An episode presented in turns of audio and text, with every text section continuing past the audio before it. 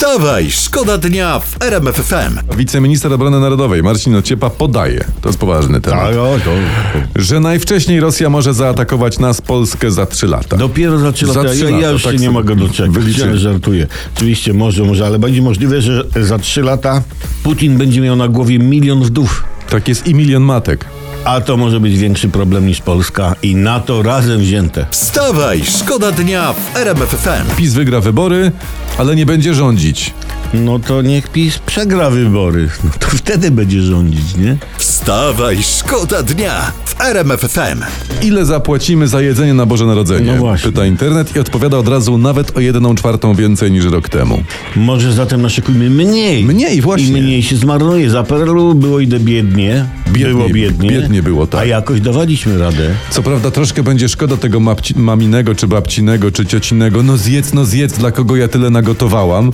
Ale, No, ale trudno, trudno, trudno. no. Jakoś damy sobie radę. Wstawaj, szkoda dnia w RMF FM. My tu dla was przeglądamy przez cały czas y, internet, przetrząsamy telewizje śniadaniowe, też patrzymy, patrzymy co jest w prasie i uwaga, rosyjska propaganda. Warto się nią czasem zająć. Ona podaje, że po stronie Ukraińców walczą polskie najemniczki. Ma być ich sporo, tych naszych dziewcząt tam i cytuję, dołączyły do komandosek z krajów bałtyckich, które dusiły Rosjan białymi rajstopami. Jest. Tak, I rzucały w nie goździkami. Proszę, weźcie, wy zostawcie kobiety w spokoju. Tu się ich czepiają, że, że w szyję. Tam wymyślają, że, że, że, że wa- walczą i duszą rajstopami. Plus, No, tak, plus te fantazje seksualne objawia rajstopka. Tak. Generalnie, jak facet nie może, to babie wymyśla, o tyle Tak. wam powiem. Wstawaj, szkoda dnia w RMF FM.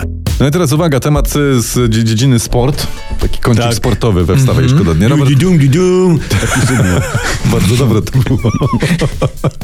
Robert Lewandowski otrzymał wczoraj czer- czerwoną kartkę.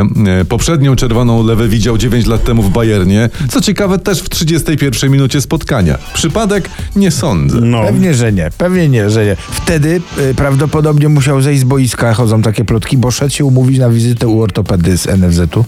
I pani mu powiedziała, Robert, najbliższy wolny termin jest za 9 lat i proszę bardzo, hopsiub, 9 lat minęło, jak mrugnięcie oka i Robert musiał zejść, bo miał wizytę, bo by przepadło. No, a jest jeszcze jedna ciekawa rzecz. Czerwona kartka wyklucza go z udziału w następnym meczu, a wypada on z powodu mundialu w Katarze dopiero 31 grudnia. To jest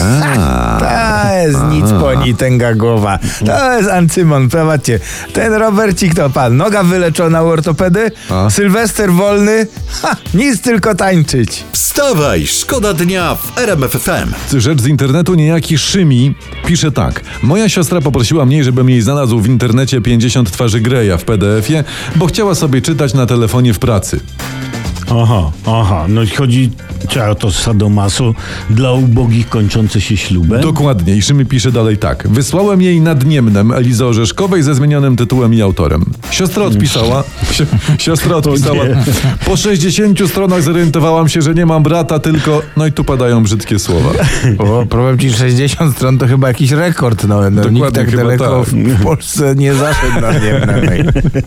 Ale widać. No, brnąc przez te opisy przyrody, to co, co na, na niemeńskich lasów, borów i gaików, to no, co ona myślała? Że co, co, co, co że... Że w końcu jakiś konar zapłonie. No. Tak? Ja nie wiem.